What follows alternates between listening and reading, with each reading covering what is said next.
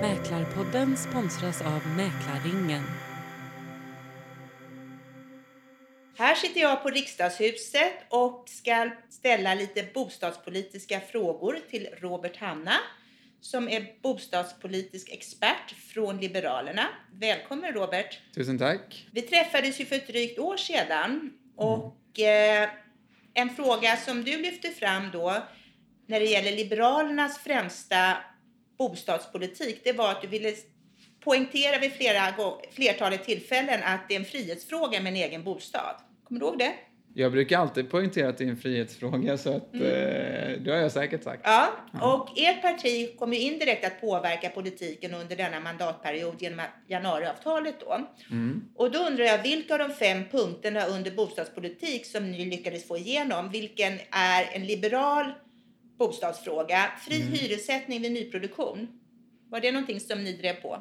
Ja, absolut. Vi gick till val på den frågan och det, det vet ju alla att, att eh, Liberalerna och Centern eh, drev den frågan. Mm. Och ni var helt eniga i den frågan? Vi Centern är och inte helt eniga i, i alla frågor, men eh, inriktningen absolut. Ja.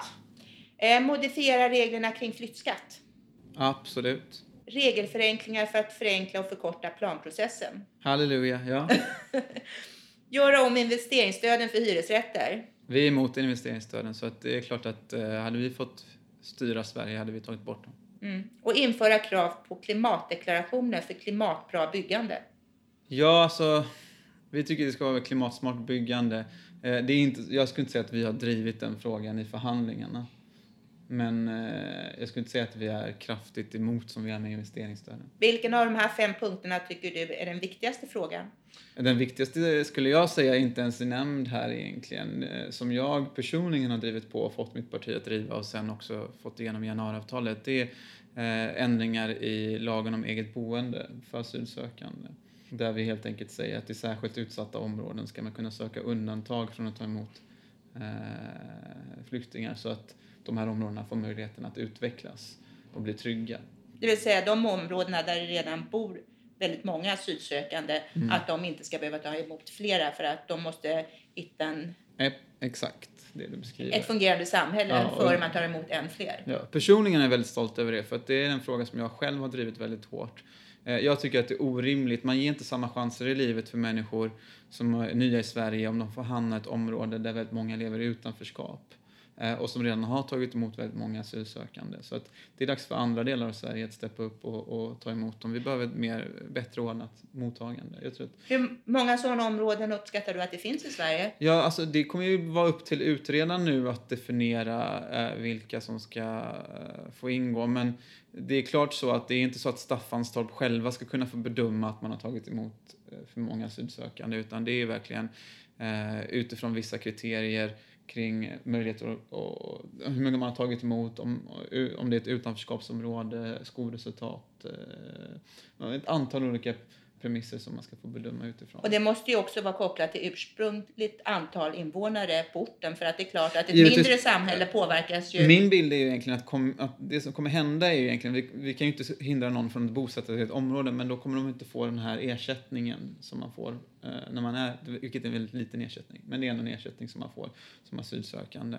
Eh, och då ska kommunerna behöva ansöka om undantag också från, från då. Det jag menar, de, de, de områden jag verkligen pratar om är ju typ Rosengård, Rinkeby, Bergsjön, eh, den typen av områden. Och när ska det här vara? Ja, utredningen tillsätts nu och ska vara i mål. Ja, om inom, inom ett, och, halv- ett och ett halvt, två år så ska det här vara i mål. Så det kommer leda till, eh, jag tror, en, en, en chans för de här områdena att utvecklas. Sen är jag självklart stolt över att, att vi får till riktiga förändringar i hyressättningssystemet. Vi har en icke-fungerande bostadsmarknad. Ja, det är vi nog alla överens om. Ja, men sen är vi inte överens om lösningarna. Nej, precis. Eh, en viktig fråga för vår bransch det är ju då reglerna kring eh, när de nya reglerna kring flyttskatten då träder i kraft, det vill säga när man tar bort uppskovsräntan och hur, hur regelverket kring det kommer se ut. Om det kommer gälla även då uppskov som är tagna före den nya lagen träder Mm. i kraft.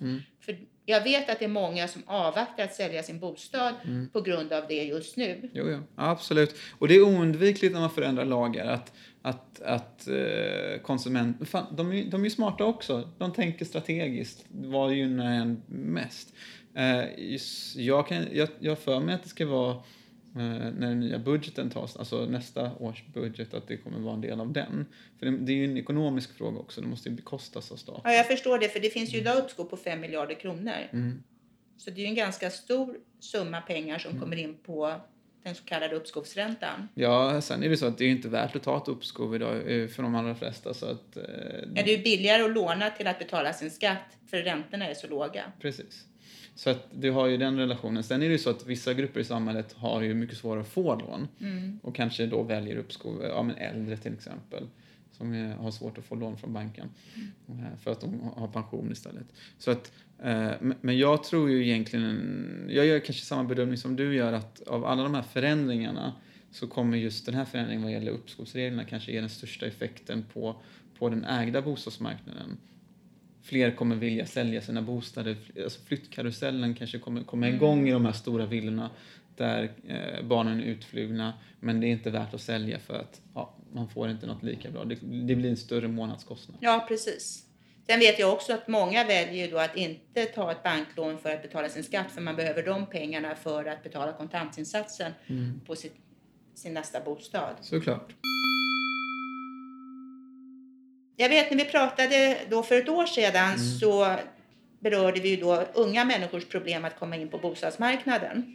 Och vi diskuterade bland annat då att eh, man eventuellt skulle kunna tänkas införa, som i Norge, ett sparande som är subventionerat då för unga för att därigenom de skulle kunna skapa ett startkapital. Ja. Jag har läst på lite grann och Socialdemokraterna de tar ju fram tre olika alternativ i sin En ny social bostadspolitik. Och alla de tre alternativen det är ju för att de unga ska ges en chans att komma in på bostadsmarknaden. Och bland annat då så får de fram ett alternativ som heter barnbobidrag, det vill säga motsvarande barnbidraget så skulle man få från det att man föds ett barnbobidrag. Alternativt ett subventionerat sparande för unga. Sedan har man även diskuterat ett startlån som är subventionerat då från staten för att kunna köpa sin första bostad. Absolut. Vi är väl alla överens om att det är viktigt att ge unga människor en chans att komma in på bostadsmarknaden. Och då undrar jag, vilket av de här tre alternativen tilltalar Liberalernas politik bäst? Ja, alltså ett av de här tre alternativen är redan liberal politik. Det vill säga det är partiets officiella linje och det är bosparande. Fast inte bara för unga utan för första köpet säger vi. Det vill säga, det, jag tror att också nya svenskar har svårt att hävda sig i bostadsmarknaden. Jag tror också att eh, ensamstående föräldrar som kanske inte haft råd att köpa, man kanske fick barn ungt eller så inte haft heller råd att köpa, behöver någon typ av hjälp för att komma in i bostadsmarknaden. Så att det vi Liberalerna säger är bosparande för första köpet. Eh, och vi har en modell som liknar det norska systemet, det vill säga om du, om du har en inkomst av tjänst och bosparar så kan du lägga det i ett bosparande konto hos banken. Om du väljer att ta ut det för något annat, då, då blir, utfaller ju skatt på den delen. Men annars kan man ju få spara ja, ungefär 5 000 kronor, eh, eh, ja, 25 000 kronor om året tror jag att det blir någonstans. Jag är inte helt säker på siffrorna. Eh, så vi har redan den, eh, vi driver redan den frågan. Nu eh, fick vi inte igenom det i januariavtalet, men det kanske ändå blir så i den här eh, skattepolitiska reformen som januariavtalet innehåller att, att vi kommer driva den frågan där. Så jag hoppas ju på att vi kan få till den typen av förändring. Den här barnbobidraget, det låter som en sämre version av bosparande. Alltså ettan låter som en sämre version av tvåan. Ja. Eh, så jag tycker ju hellre att du kör på den. Sen personligen så tror jag att Sverige behöver ett startlån.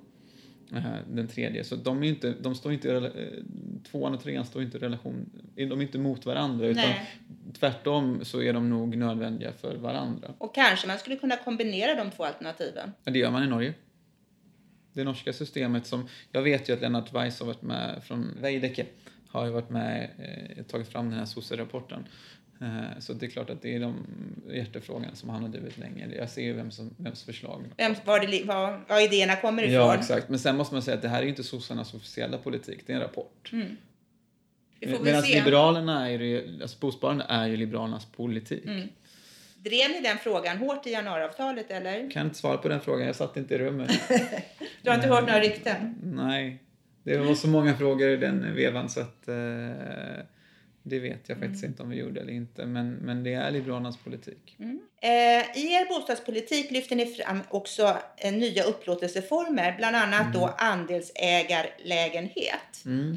Och vad ser du för fördelar med denna upplåtelseform? Generellt sett så tror jag att eh, vi behöver vara mer kreativa vad gäller upplåtelseformer i Sverige eh, för att just kunna bekämpa till exempel utanförskap eller möta grupper som har svårt att hävda sig på bostadsmarknaden.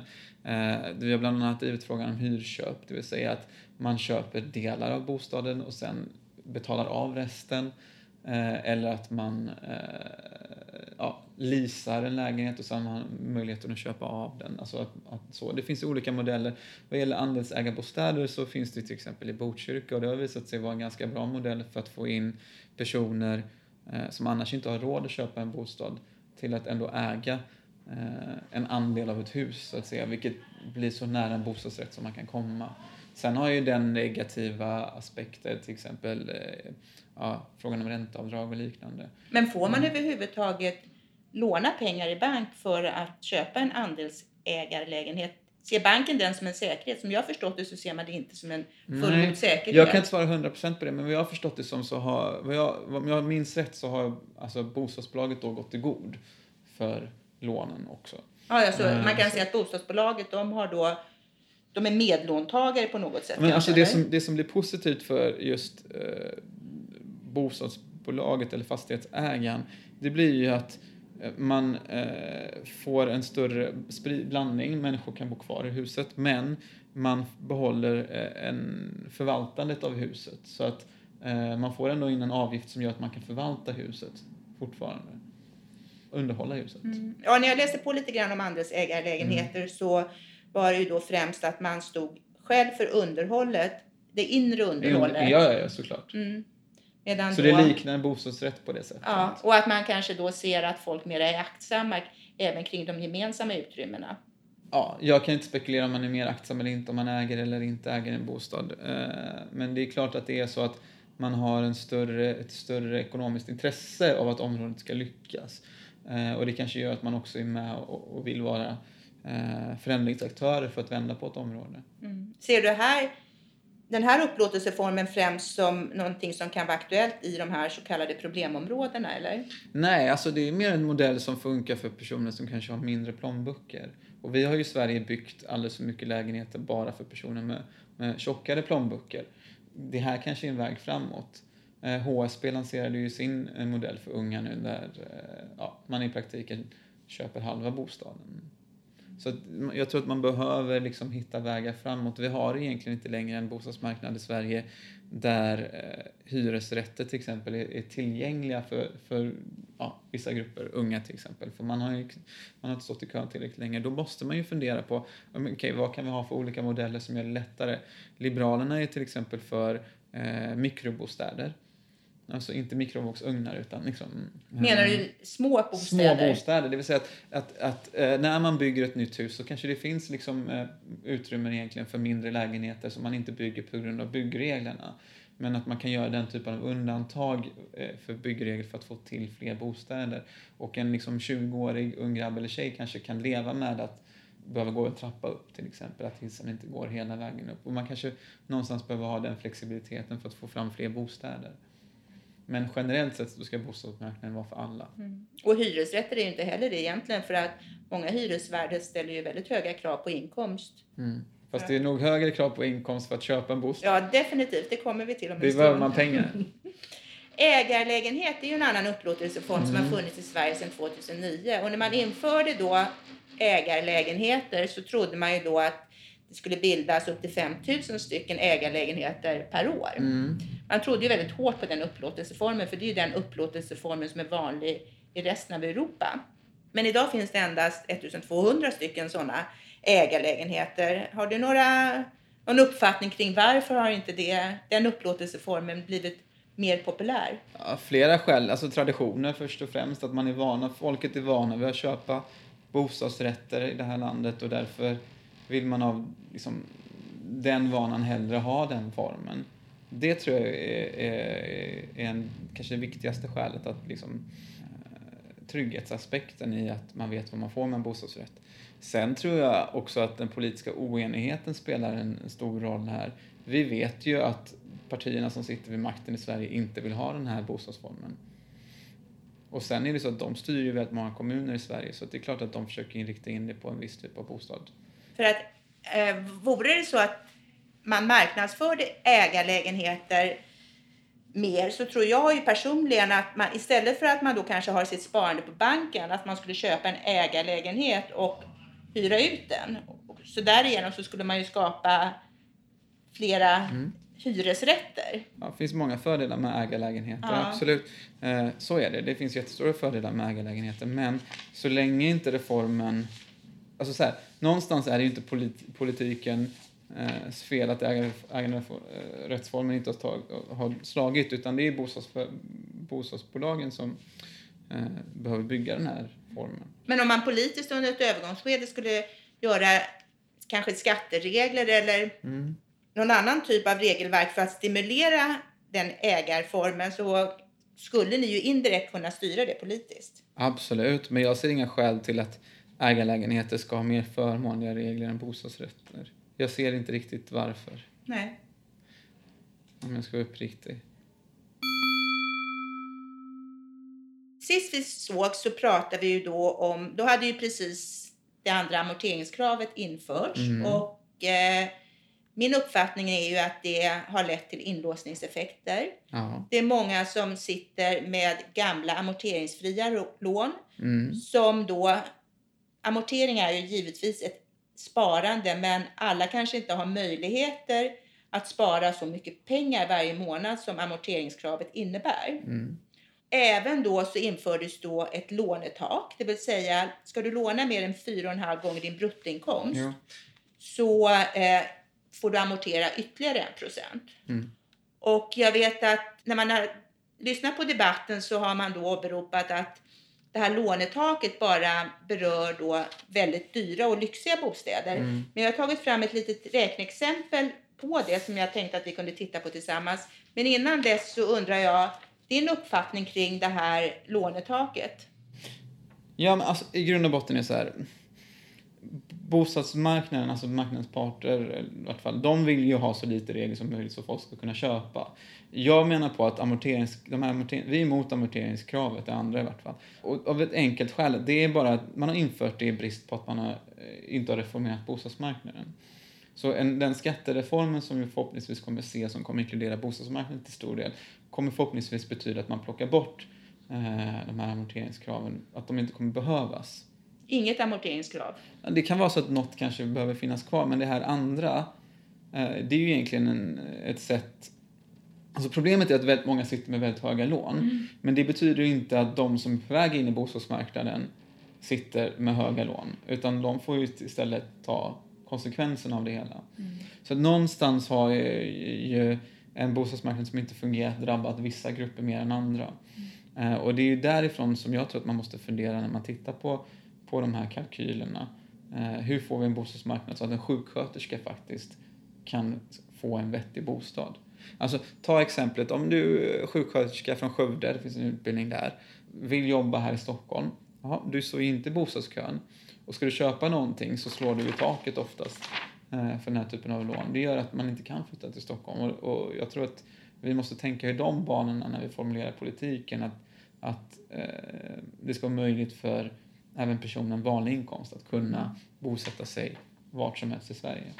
Ja, för det här är ett räkneexempel då som mm. vi har mm. tagit fram och medianinkomsten i Stockholms län är 310 000 kronor per år. Mm. Och snittpriset per kvadrat i Stockholms län är 54 700 mm. kronor per kvadrat. Och har man då 310 000 kronor i lön per år så får du låna cirka 1,4 miljoner. Mm. Och det förutsätter då att du har lyckats spara ihop till kontantinsatsen på 250 000 kronor. Mm. Och det innebär då indirekt att du spar 2000 kronor i månaden. Mm. Så har du knappt lyckats med det efter 10 år. Så det är en tuff väg dit. Mm. Och då kan du köpa en bostad för 1 650 000 kronor. Och delar vi den köpeskillingen per kvadrat så hamnar du i en lägenhet som är 30 kvadratmeter stor. Mm. Och är det två stycken då som ska köpa en gemensam bostad och du har till exempel två barn så hamnar en bostad då på 60 kvadrat. Och jag tycker personligen inte att man kan se det här som ett lyxproblem. Nej, det gör inte jag heller. Nej. Jag bor ju i och för sig på 59 kvadrat med man och son, så att, så att eh, jag förstår problematiken. Ja. Eh, jag tror att någonstans är det så här, personligen så Eh, jag kommer ju inte från politikvärlden egentligen. Och när jag blev riksdagsledamot så flyttade jag ju hem till Göteborg. Och då hamnade jag i samma problematik. Jag stod inte i bostadskön i Göteborg. Och jag hade inga pengar att köpa. Så jag blev i mambo ett tag. Tills jag sparade ihop min kontantinsats. Så att jag tror att väldigt många har ju den här problemen, problematiken. Mm. det, är inte, det är inte ett fåtal. Jag skulle säga att den svenska bostadsmarknaden är det enskilt största problemet för väldigt många svenskar idag. Eh, för många unga är det lätt att hitta jobb, men det är svårt att hitta en bostad. Och i Stockholm så finns jobben men inte bostäderna. Ja, de jobben finns i Göteborg, jobben Ja, finns i men i Malmö. många Alltså det, storstäder. i, I många platser i Sverige. Vi har ingen, egentligen har vi ingen större brist på arbeten i Sverige idag. Vi är på toppen av en högkonjunktur, den kommer vända ganska snart. Men, men bostadsmarknaden är ett problem. Ja. Men det som har hänt däremot, skulle jag säga, är att fler lägenheter finns på arbets, ar- andrahandsmarknaden. Många som inte kan få sålt sina bostadsrätter just för att folk inte har råd att köpa längre. Så det finns fler lägenheter i Mm. Att hyra i andrahandsmarknaden. andra hand, ja. Men det är kanske inte lösningen utan meningen är att folk ska kunna bo i sina egna lägenheter. Ja, och ska man då... Men jag delar den här problematiken och, och, och Liberalerna vill ju förändra i, i, i regelsystemet för att fler ska kunna få sin bostad. Ja, när man ser siffrorna så kan man ju lätt konstatera att eh, det berör väldigt många och inte bara de som köper lyxiga stora hus utan Nej, men problematiken en ligger vardags- där. Jag måste ändå se- problematisera det hela. För att alltså, titta på de svenska ränteavdragen. Alltså det som vi egentligen har gjort i åratal i Sverige. Och där eh, kanske inte mäklarbranschen är med mig heller. Men jag tycker att det någonstans är orimligt att vi subventionerar 30% av alla människors lån när man köper stora kåkar. eh, Så. Utan det kanske ska vara rimligare att faktiskt ge ett bosparande till de som vill spara ihop sin insats och startlån till dem. Eh, och sänka eh, ränteavdragen. I vart fall att eh, ta tag i det där taket och sänka taket ganska rejält. Eh, för jag tror att den svenska bostadspolitiken behöver träffa de eh, individer som står längst ifrån. Eh, och jag kan uppriktigt säga att januariavtalet svarar ju inte på alla utmaningar vi har i bostadsmarknaden. Den svarar på vissa av dem. Eh, den stora bristen som jag menar på finns med där, som vi inte har lyckats eh, lösa, det är den sociala bostadspolitiken. Eh, Och där kommer jag vara med en stor del av debatten för att se till så att vi får en rimlig politik för grupper som står längre bort från bostadsmarknaden. Jag har själv tillhört de grupperna så att jag vet ju själv eh, vilka utmaningar vi har. Vår branschorganisation Mäklarsamfundet har Mm. då sammanställt en mängd förslag för att vi ska få till en bättre bostadsmarknad. Mm. Och jag tänkte lite grann höra om dina synpunkter Ja. kring deras förslag. Ja. Och nummer ett då, då justera reavinstbeskattningen. ja, men det gör vi nu med flyttskatten. Det är ju egentligen en del av reavinstbeskattningen. De tycker även att om man har bott i sin bostad längre, en längre tid än till exempel fem år, Mm. att man ska få en regressiv skattesats. Jag vet att det finns i många andra länder. Jag har lite, jag, jag, jag, man kan titta på frågan men problematiken blir ju att vi har haft så mycket ränteavdrag i det här landet istället för det systemet som har gjort att väldigt många till exempel som köpte sina lägenheter i 70 och 80-talet har fått det här redan på något sätt. Så- Indirekt. Indirekt. Så det blir dubbel kaka. Jag menar mer på att det svenska skattesystemet behöver gynna de grupper som står längre ifrån. Men jag är inte emot att man tittar på det. Jag menar, jag är liberal. Jag tycker inte vi ska ha så höga skatter. Eh, och de tycker ju även att man ska trappa ner ränteavdraget. Mm. Jaha, okej. Det är en nyhet för mig. Absolut. Det tycker jag. Jag tycker, jag tycker att ränteavdraget har, har, har smakat mer än det har kostat. Det har gjort att man har trissat upp priserna på bostadsmarknaden som har gjort att väldigt många grupper inte ens har kunnat haft råd. Så att, ja, om man tittar i resten av Europa så sticker Sverige ut. Det finns ett fåtal E- EU-länder som har ränteavdrag. Av de som har det så har Sverige det mest gynnsamma. Deras förslag är att det ska minskas med en procentenhet om året i tio år. Och Ja. parallellt då så ska man sänka kapitalskatten med samma nivå. Mm. Jag tycker att det känns rättvist. Men då ska du rösta på Liberalerna. Det är vår politik. Det, det är exakt så vi har tittat på ränteavdragen. Eh, En, en, en skatteväxling. Men det vi säger då är i grund och botten att, att, att det är bättre att sänka eh, inkomstskatten för då får, ta- får alla ta del av den får sänkningen. man välja. Ja. Eh, inget överskott för lagfart och inteckningar. Hur menar du med det? Det kostar ju idag, när man ansöker om lagfart Ja. så är det en, en och en halv procent av köpeskillingen. Ja. Och eh, ska man ta ut ett, ny, ett, ny, ett nytt pantbrev eller inteckning så är det ju 2 procent på beloppet. Mm. Och det är ju, täcker ju mycket, mycket mer än de faktiska kostnaderna Jaha. för att utföra arbetet. Ja. Alltså det är en kassako för kommunen. En, nej, staten. Staten menar En väldigt stor kassako för staten. Mm. Ja, man kan titta på den, man kan titta på den frågan. Jag, jag har faktiskt inte... eh, Just på den punkten så har jag egentligen inte funderat så mycket Nej. om jag ska vara uppriktig. Men det kommer in stora pengar till staten där. Ja, och det kanske är mycket mer från människor som inte bor i storstäderna för deras lägenheter. Ja, fast å andra sidan så kostar ju husen mycket Mm. mer i storstäderna Nej. än på landsbygden. Så att i och med att det är en procentsats Jo, på absolut. köpeskillingarna. absolut. Men de är värda mycket mer också. Eh, lätta på kreditrestriktionerna, det var ju vi inne på nyss. Mm. Alltså, eh, kreditrestriktioner för vem? Alltså att man ska ta bort bolånetaket till exempel Jaha, och det extra amorteringskravet. Ja, ja, absolut. Och införa bospar enligt norsk modell är ett önskemål. Mm. Det har ni redan fått av oss. Ja, Jag är jultomten känner mig lite grann. ja, ja precis. Höja gränsen för skattefri uthyrning. Det vill säga att man ska höja schablonavdraget. Ja, men alltså, har mäklarna, Mäklarsamfundet tagit Liberalernas politik, eller? Inte renodlat tror jag. Nej, men det där är också, det, det där var med i vår bostadspolitiska rapport från 2015. Mm. Alltså Och- partiet, inte som sossarna som har Nej, någon, nej. någon grupp utomstående. Från er, mm. Partiets officiella. Startlån för, eh, som för, för förstagångsköpare. Mm. Jag personligen tycker så. Partiet har inte tagit ställning i frågan. Eh, Men jag hoppas att eh, mitt inflytande i partiet är tillräckligt starkt för att det ska bli så ganska snart. Mm. Men vi har inte det officiellt än. Och sen så, jag vet inte riktigt om man menar med andelsägarlägenheter, men här har man då ett begrepp som kallas hyrköp och det är Mm. väl lite grann ett liknande, Ja, en liknande upp, eller vi, vi har ju fått igenom ett tillkännagivande i riksdagen tillsammans med de andra allianspartierna om just hyrköp. ja, och att man vill underlätta, man ska underlätta för att den, Alltså det liknar leasing lite grann. Det finns i Spanien och lite andra länder. Att man, man betalar någon typ av insats, absolut. Eller inte alls. Och sen hyran då som man betalar per år det blir någon typ av avbetalning på, på på bostaden. köpeskillingen. Och sen kan man välja att köpa, in, köpa av lägenheten eller inte vid vissa tillfällen. Och får man tillbaka då om man väljer att inte, Nej, då är det hyran. okej, då ser man det som en hyra. Mm. Att man ska bygga fler bostäder för äldre. Ja, det är väl ingen som är emot det överhuvudtaget. Jag tror att, jag tror att vi behöver bygga mycket mer trygghetsboenden, andra typer av liksom, boenden som egentligen där äldre, som är mer anpassade för äldre och där det finns gemenskapsutrymmen där man har egna kök och liknande. Så att, eh, det tror jag att de flesta är överens om. Och det är mycket också för att skapa um, flyttkedjor. Ja, precis. Eh, och eh, de har även ett förslag om att man på kommunal nivå ska införa flyttlotsar som hjälper de äldre med flytt och annat. Ja, det låter vettigt, men jag tror också att det är kommunalpolitik. Ja, det är alltså, det det ju måste ju givetvis. vara upp till kommunen att införa det. Man kan ju inte säga från statens sida att ni ska ha lotsar. Nej. Eller det skulle man i och för sig säga, men jag tycker att det är lite väl mycket detaljstyrning. Sen någonting som jag tycker vore väldigt bra det är att man ska införa ett centralt bostadsrättsregister.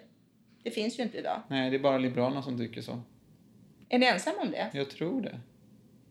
För det är ju någonting... Men det är ju helt galet att, men ta, ta, ta min gamla bostadsrättsförening där det satt en perm i källaren hos någon, i någon källarförråd, en massa jäkla eh, papper som var värda 3-4 miljoner allihopa. Det är ju, Ja, det är väldigt mycket oreda i många föreningar. Ja, Mindre ja, ja. föreningars styrelse. Det är klart. Reformera hyressättningssystemet. Check på den, det kommer vi ha fixat innan den här mandatperioden är slut. Och sen så som sista punkt Mm. att införa boendekunskap på schemat. Vilket schema? Skolschemat för våra barn. Skolschemat.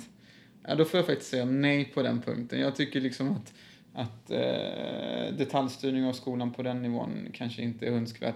Men det är klart att hemkunskapen har ju den typen av innehåll också och eh, även liksom ekonomiklasserna. Så att det där ska kunna... Ja, det Den ska delen kunna, ska kunna inkluderas i de ämnena. den borde redan vara där. Ja. Det var allt jag hade. Är det någonting som du vill tillägga? Någonting jag missat? Någonting som du vill framföra? Nej, men alltså jag tror att det eh, bara, vi sitter i bostadsförhandlingar, det kommer komma ett antal reformer under mandatperioden. Eh, och förhoppningsvis kommer det göra liksom, den svenska bostadsmarknaden friare, bättre och ha, ge fler möjligheten att äga sina bostäder eller hyra en bostad. Men jag tror också man ska vara medveten om att det behövs mycket mer än så. Så det kommer komma mycket, men mycket mer behöver göras. Då tackar jag så mycket. Mm, tack. tack Robert. Tackar.